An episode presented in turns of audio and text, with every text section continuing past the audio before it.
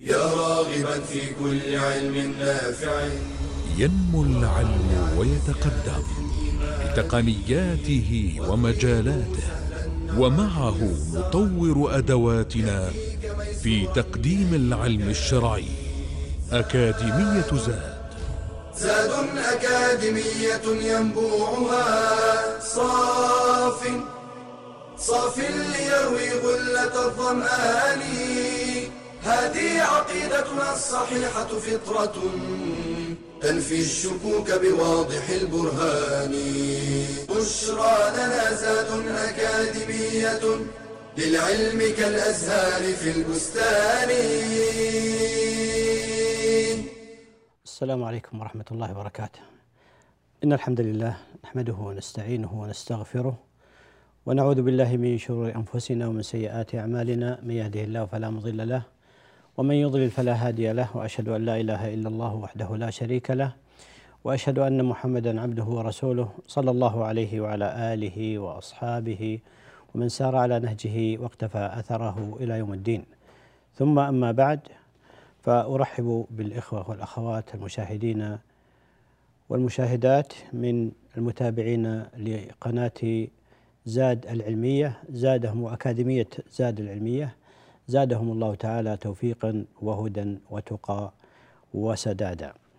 وحديث هذه المحاضرة أيها الإخوة والأخوات هو عن موضوع في غاية الخطورة وموضوع عن موضوع في غاية الخطورة وموضوع ليس بالجديد ولكنه جدد وطرح بكثرة في وقتنا الحاضر ألا وهو ما يتعلق بمسألة التكفير.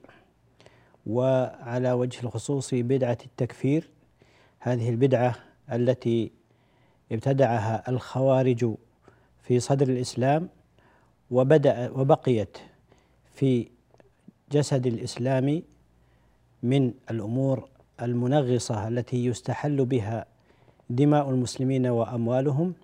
حتى وصلت إلى عصرنا الحاضر فجددها الأعداء ونفخوا فيها وجندوا لها من ينادي بها حتى وقع فيها بعض أفراد المسلمين لجهلهم ولغلوهم ولبعدهم عن علماء الأمة الراسخين الذين يعرفون الحق ويضعون الأحكام في مواضعها. هذه القضية وهي قضية التكفير وما يتعلق به من أحكام هي موضوع محاضراتنا في هذه الوحدة. وحديثنا الأول إنما هو عن خطر التكفير وماذا نعني بالتكفير؟ وهذا يقتضي منا قبل أن نتكلم عن خطر التكفير أن نتحدث عن مواقف الناس من التكفير ثم عن خطر بدعة التكفير وماذا نعني بها ثم عن ضوابط التكفير وموانعه وشروطه وموانع إطلاق الكفر على غير المستحق له. هذه أبرز عناصر هذه الوحدة نتناولها مع تناول بعض الجزئيات وبعض الفرعيات التي تخدم هذه المسألة وتعالج أصلها. والتكفير كما لا يخفى على الجميع هو الحكم على الشخص بالكفر. الحكم على الشخص بالكفر. فالتكفير هو تفعيل. على وزن تفعيل ومعناه وصف الشخص بالكفر. والكفر كما لا يخفى وسبق أن تناولناه في بعض المجالس والدروس السابقة الكفر كما يقول ابن فارس الكاف والفاء والراء أصل صحيح يدل على معنى واحد وهو الستر والتغطية وهو الستر والتغطية. ومنه سمي الزارع كافرا لأنه يغطي الحب بتراب الأرض. وذلك في قول الله عز وجل كمثل غيث كمثل غيث أعجب الزراع أعجب الكفار نباته. كمثل غيث أعجب الكفار نباته أي الزراع ومنه الكافر وهو ضد المؤمن وسمي كافرا لأنه يغطي الحق ويستر النعمة من ربه تعالى. والمراد بالتكفير هنا كما قلنا هو الحكم بالكفر على الشخص والخروج من الإسلام. هذا يجرنا أيها الإخوة والأخوات إلى الحديث عن ما هي مواقف الناس من قضية التكفير؟ الناس في قضية التكفير كغيرها من القضايا هم على طرفي نقيض وعلى وسط. فبمعنى ذلك معنى ذلك بأنهم على ثلاث مواقف وثلاثة أطراف.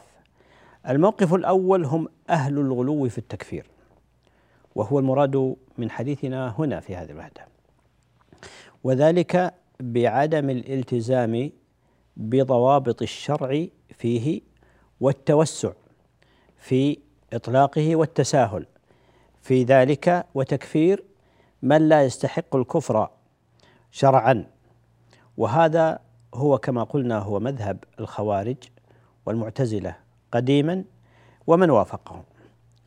في مقابل الغلو في إطلاق التكفير هناك الطرف الثاني والموقف الثاني وهو الغلو في الإنكار التكفير وذلك كرد فعل لغلو الخوارج ظهرت المرجئه وكرد فعل لغلو التكفيريين في عصرنا الحاضر ظهر في مقابلهم الطرف الآخر وهم من لا يرى التكفير أصلا.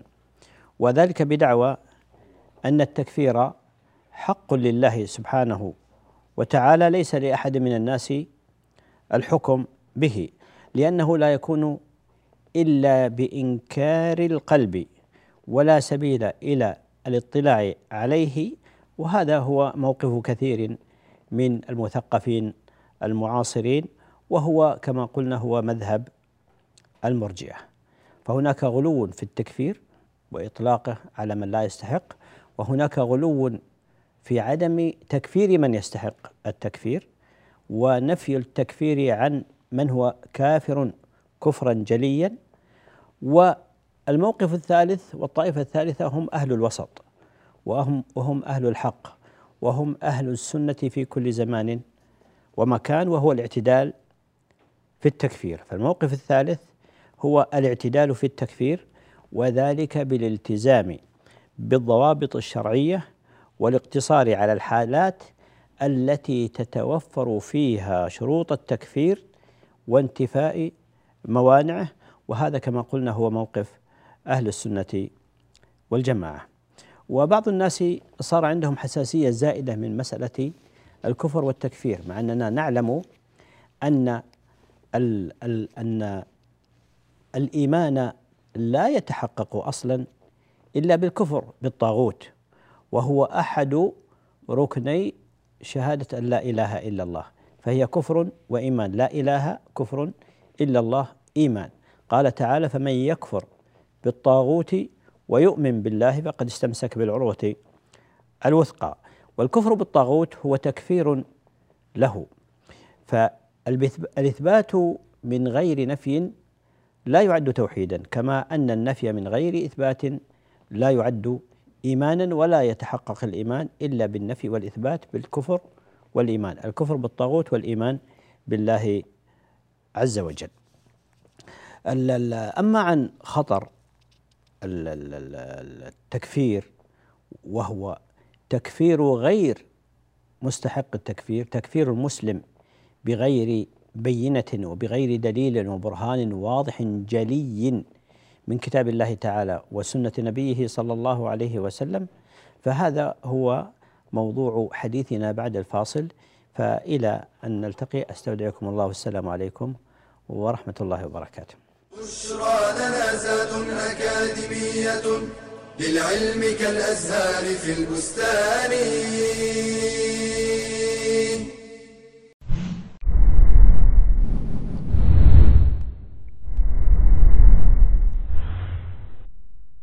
يأخذ بيدك ليرقى بك إلى أعلى المنازل. يقف معك وينافح عنك وقت الضيق والكرب. إنه القرآن. ففي الحديث يقال لصاحب القرآن إذا دخل الجنة اقرأ واصعد فيقرأ ويصعد بكل آية درجة حتى يقرأ آخر شيء معه. وحين تأتي أهوال يوم القيامة وشدائده لا يتخلى القرآن عن أصحابه. يقول عليه الصلاة والسلام اقرأوا القرآن فإنه يأتي يوم القيامة شفيعا لأصحابه. بل إن القرآن ينفع صاحبه بكل حرف منه. إن القرآن يرفعك وينفعك في الدنيا والآخرة. وفي الحديث من قرأ حرفا من كتاب الله فله به حسنة والحسنة بعشر أمثالها. لذلك استحق صاحب القرآن أن يغبط عليه. قال النبي صلى الله عليه وسلم لا حسد إلا في اثنتين رجل آتاه الله القرآن فهو يقوم به آناء الليل وآناء النهار ورجل آتاه الله مالا فهو ينفقه آناء الليل وآناء النهار. فكن مع هذا الصاحب الوفي وعش في رحابه فأنت في صفقة رابحة وتجارة لن تبور.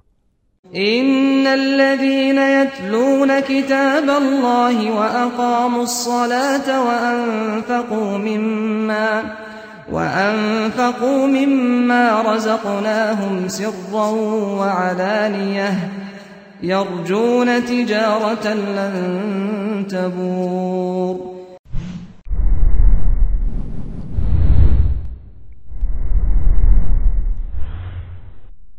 بشرى لنا أكاديمية للعلم كالأزهار في البستان. الحمد لله أكرر الترحيب بالإخوة والأخوات المشاهدين والمشاهدات. ذكرنا آه، في قبل الفاصل أقسام الناس في ومواقف الناس من التكفير ومن الكفر من التكفير والكفر. وبين يدي الحديث عن خطر التكفير لغير مستحقه لعلنا أن نشير إلى أن استكمالا لما ذكرناه من الحديث عن مواقف الناس من التكفير. فالموقف الأول وهو الغلو في التكفير وهو المراد بالحديث هنا في هذه الوحدة هذا يتناقض مع النصوص الشرعية آه، الكثيرة وسيأتي الكلام عليها بعد قليل إن شاء الله. وأما الموقف الثاني وهو الغلو في عدم التكفير فهو إنكار لمبدأ شرعي صريح وهو آه، تكفير من لا يستحق وهو تكفير من يستحق التكفير. ونحن نعلم أن الفقهاء قد عقدوا ابوابا في كتب الفقه تحت مسمى كتاب أو باب المرتد وذكروا قضايا علمية وعملية بها يكون المسلم كافرا. وهذه في جميع المذاهب الأربعة وغيرها. وهذا أمر يعني ذكروا فيها ما ما هي الأمور التي يخرج بها المسلم من الإسلام. وهذا القول الثاني مبني على أن الكفر إنما هو عمل القلب فقط وهذا هو خطأ وقول المرجئة وإنما كما أن الإيمان قول وعمل واعتقاد فكذلك ما يقابله الكفر هو قد يكون بالقول وقد يكون بالعمل وقد يكون بالاعتقاد القلبي. أما عن خطر آه، التكفير وهو تكفير المسلم بغير حق فهذا من الأمور الخطيرة جدا وليس من الأمور من الأمور اليسيرة بل إنه جريمة عظيمة وطريق مظلم آه، لمن سلكه. وقد جاءت الأدلة والنصوص الشرعيه محذرة من سلوك هذا السبيل الخطر وهو تكفير المسلمين بغير حق. ولهذا قال النبي صلى الله عليه وسلم كما في الحديث المتفق عليه أيما رجل قال لأخيه لأخيه يعني المسلم. يا كافر فقد باء بها أحدهما. يعني إما أن يكون صادقا في إطلاق الكفر عليه فيكون هذا كافرا وإما أن تعود إليه. وهذا من الوعيد الشديد في التحذير من إطلاق الكفر على المسلم بغير بينة وحجة وبرهان واضح.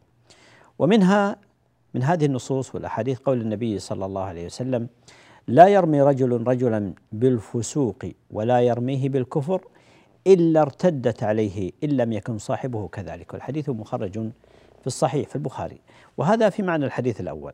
فإذا لم يكن آه، صادقا في ادعاء في دعوى الكفر لمن أطلق عليه ذلك فإنها ترجع إليه وكذلك بالنسبة آه، للفسوق. وكذلك يقول النبي صلى الله عليه وسلم في الحديث المتفق عليه يقول من لعن مؤمنا فهو كقتله ومن قذف مؤمنا بكفر فهو كقتله. من قذف مؤمنا بكفر فهو كقتله. ولا شك أن هذا من الوعيد الشديد في التحذير من إطلاق الكفر على غير مستحقه ولهذا يقول ابن عبد البر رحمه الله تعالى يقول فالقرآن والسنة ينهيان عن تفسيق المسلم وتكفيره ببيان لا إشكال فيه ببيان لا إشكال فيه أي بأمر واضح جلي لا غموض فيه ولا إشكال وهو التحذير من إطلاق الكفر على المسلم. ويقول الشوكاني أيضا في هذا المعنى يقول اعلم أن الحكم على الرجل المسلم بخروجه من دين الإسلام ودخوله في الكفر لا ينبغي لمسلم يؤمن بالله واليوم الآخر أن يقدم عليه إلا ببرهان واضح من شمس النهر أو أوضح من شمس النهر وهذا أمر واضح جلي في هذه القضية.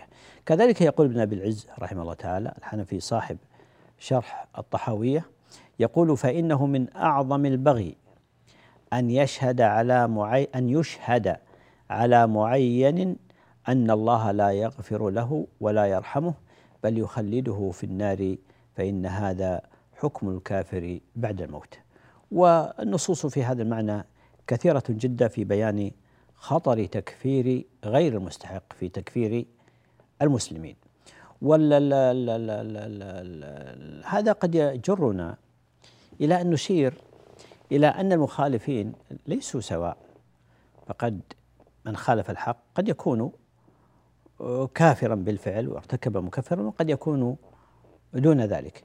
فالمخالفون للحق على درجات وليسوا على وتيرة واحدة. منهم المجتهد المخطئ وهذا معذور باجتهاده ووقوعه في الخطأ ومغفور له خطأه. ومنهم المفرط الظالم وهذا درجة أعلى وأخطر لكنه لا يخرجه ذلك من الملة. ومنهم المنافق الزنديق الذي يتظاهر بالإسلام وهو يبطن الكفر والزندقة وحرب الله ورسوله ومنهم المشرك الضال. ولكل واحد من هؤلاء الناس أحكامه التي تختص به.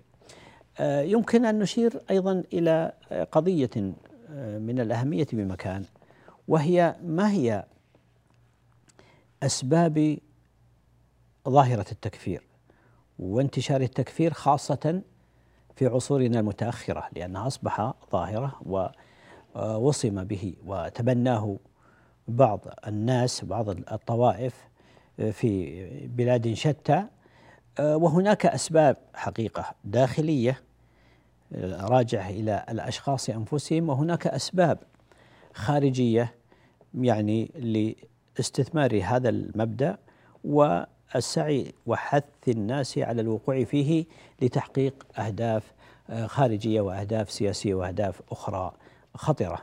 من أسباب أهم الأسباب الداخلية وهي الأهم هنا أولها انتشار ظاهرة الخروج من الدين وتعاليمه والتحلل في المجتمعات الإسلامية فلكل فعل رد فعل فكما ظهر هناك تحلل من الدين وأحكامه والاستطالة على دين الله عز وجل وسب الدين وغير ذلك من الأمور فإن هذه الأفعال يكون لها ردود فعل أخرى مقابلة لا بالحق والعدل ولكن بالغلو الآخر فكان ذلك سببا في ظهور بعض الطوائف الذين تبنوا ظاهرة التكفير بغير دليل وبغير برهان شرعي واضح. فانتشار ظهور المظاهر الخروج على الدين هي من أسباب هذا الأمر وانتشاره في عصرنا الحاضر. ومنها كذلك قلة الفقه في دين الله عز وجل. قلة الفقه في دين الله عز وجل والجهل والبيئة الجاهلة هي البيئة المناسبة لظهور مثل هذه المظاهر من الغلو والتكفير وغيرها. كذلك من أسباب الانتشار ظاهرة التكفير هو ظهور البدع. والبدع بيئة خصبة للبدع. ولهذا يقول آه، ابن أبي العز رحمه الله تعالى يقول فمن عيوب أهل البدع تكفير بعضهم بعضا وما ومن محامد أو ممادح أهل العلم أنهم يخطئون ولا يكفرون ولا يكفرون. وهو في كلامه هذا رحمه الله تعالى يشير إلى كلام الإمام الشافعي رحمه الله تعالى عن أهل الأهواء.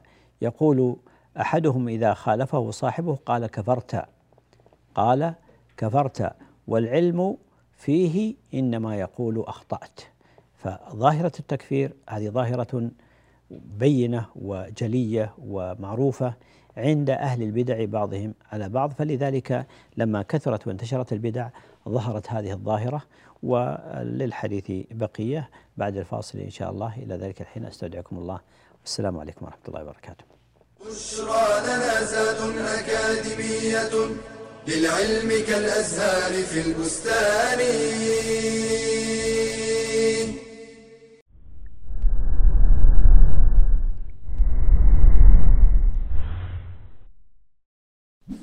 ما الأشهر الحرم؟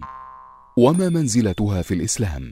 خلق الله الأشهر وخص منها ما شاء بخصائص وفضائل وأعمالا واختار منها أربعة عظم شأنها وهي رجب وذو القعدة وذو الحجة والمحرم قال ابن عباس رضي الله عنهما جعل الذنب فيهن أعظم والعمل الصالح والأجر أعظم وشهر رجب من هذه الأشهر التي ينبغي على المسلم أن يزداد حذره فيها من الوقوع في المحرمات وأن يكثر فيها من الصالحات.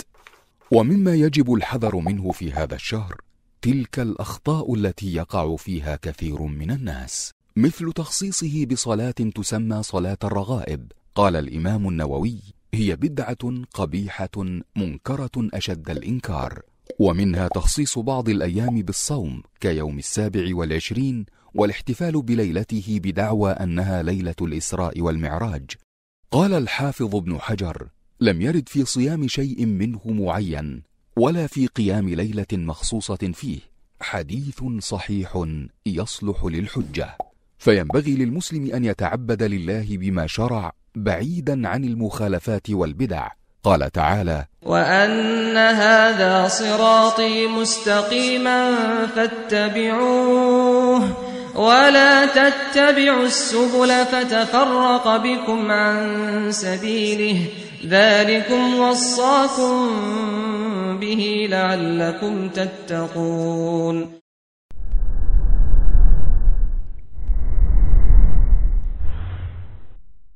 بشرى لنا أكاديمية للعلم كالأزهار في البستان. السلام عليكم ورحمة الله وبركاته. أه، تكلمنا قبل الفاصل عن أسباب انتشار ظاهرة التكفير تكفير المسلمين في عصرنا الحاضر وذكرنا منها أه، أولا انتشار مظاهر التحلل والخروج من الدين ومظاهر الطعن في الدين وسب الدين وغيرها وكذلك إعراض كثير من الحكومات عن تحكيم دين الله وشرعه سبحانه وتعالى والحكم بالقوانين الوضعية وما يترتب على ذلك من إشكالات كبيرة في المجتمعات. كذلك من هذه الأمور هي قلة الفقه في الدين وأشرنا إلى ذلك والجهل والبيئة الجاهلة هي البيئة الخصبة لظهور مثل هذه آه، الأمور. وكما قلنا في الأخير أن ظهور البدع وانتشار البدع هي من أكبر أسباب التكفير. وقلنا إن هذه من خصال وسمات أهل البدع أنهم يكفر بعضهم بعضا كما قال ابن أبي العز رحمه الله تعالى. وذكرنا كلام الإمام الشافعي رحمه الله تعالى في أن هذه من خصال أهل الأهواء. وللتطبيق ال- ال- ال- العملي لمثل هذه القضية ما يظهر عند بعض الطوائف كالأشاعرة مثلا.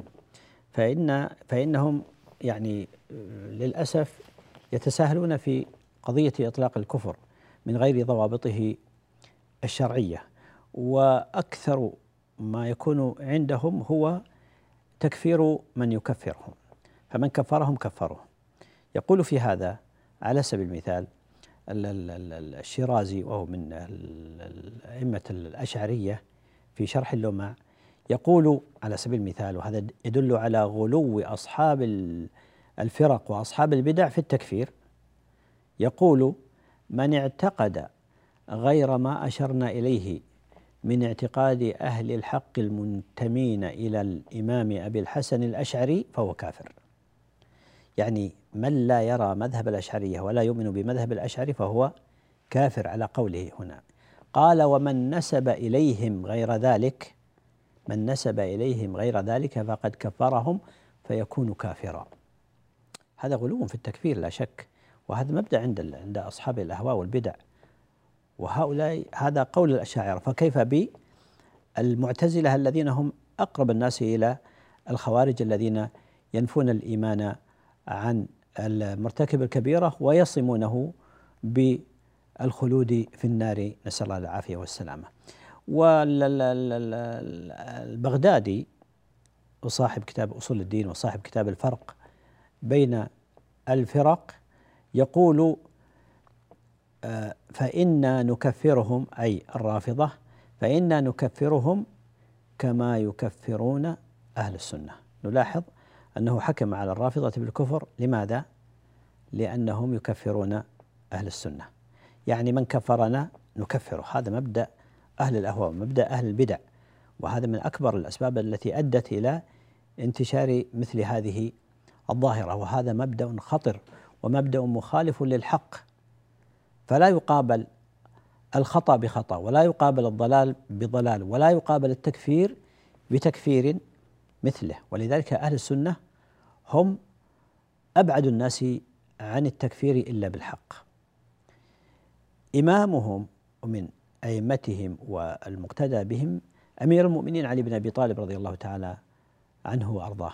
لما خرجت عليه الخوارج وكفرته وكفرته واستحلت دمه وماله وقاتلته رضي الله تعالى عنه وأرضاه ما كفرهم لأنهم كفروه فلما سئل عنهم عن الخوارج. أكفار هم ماذا كان؟ انظر إلى الإنصاف إنصاف أهل الحق إنصاف صحابة رسول الله صلى الله عليه وسلم وإنصاف أهل السنة تبع له. قال من الكفر فروا ليسوا كفارا. من الكفر فروا.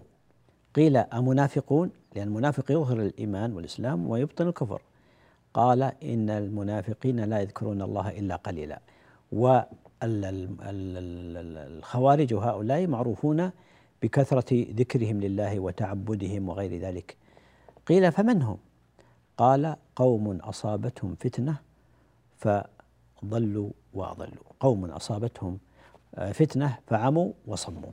قوم أصابتهم فتنة فعموا وصموا. نسأل الله العافية والسلامة. ولذلك لم يعاملهم رضي الله تعالى عنه وأرضاه معاملة الكفار بل قال إن لكم علينا ألا نمنعكم الحق في الفيء ولا نمنعكم مساجد الله عز وجل ولم يبدأهم بقتال حتى هم بدأوا وقاتلوا وقتلوا المسلمين بغير حق فهنا قاتلهم لقتلهم المسلمين لا لأنهم كفار ولم يعاملهم معاملة الكفار فلم يسبي نساءهم ولم يجهز على جريحهم ولم يعاملهم معاملة الكفار الصرحاء.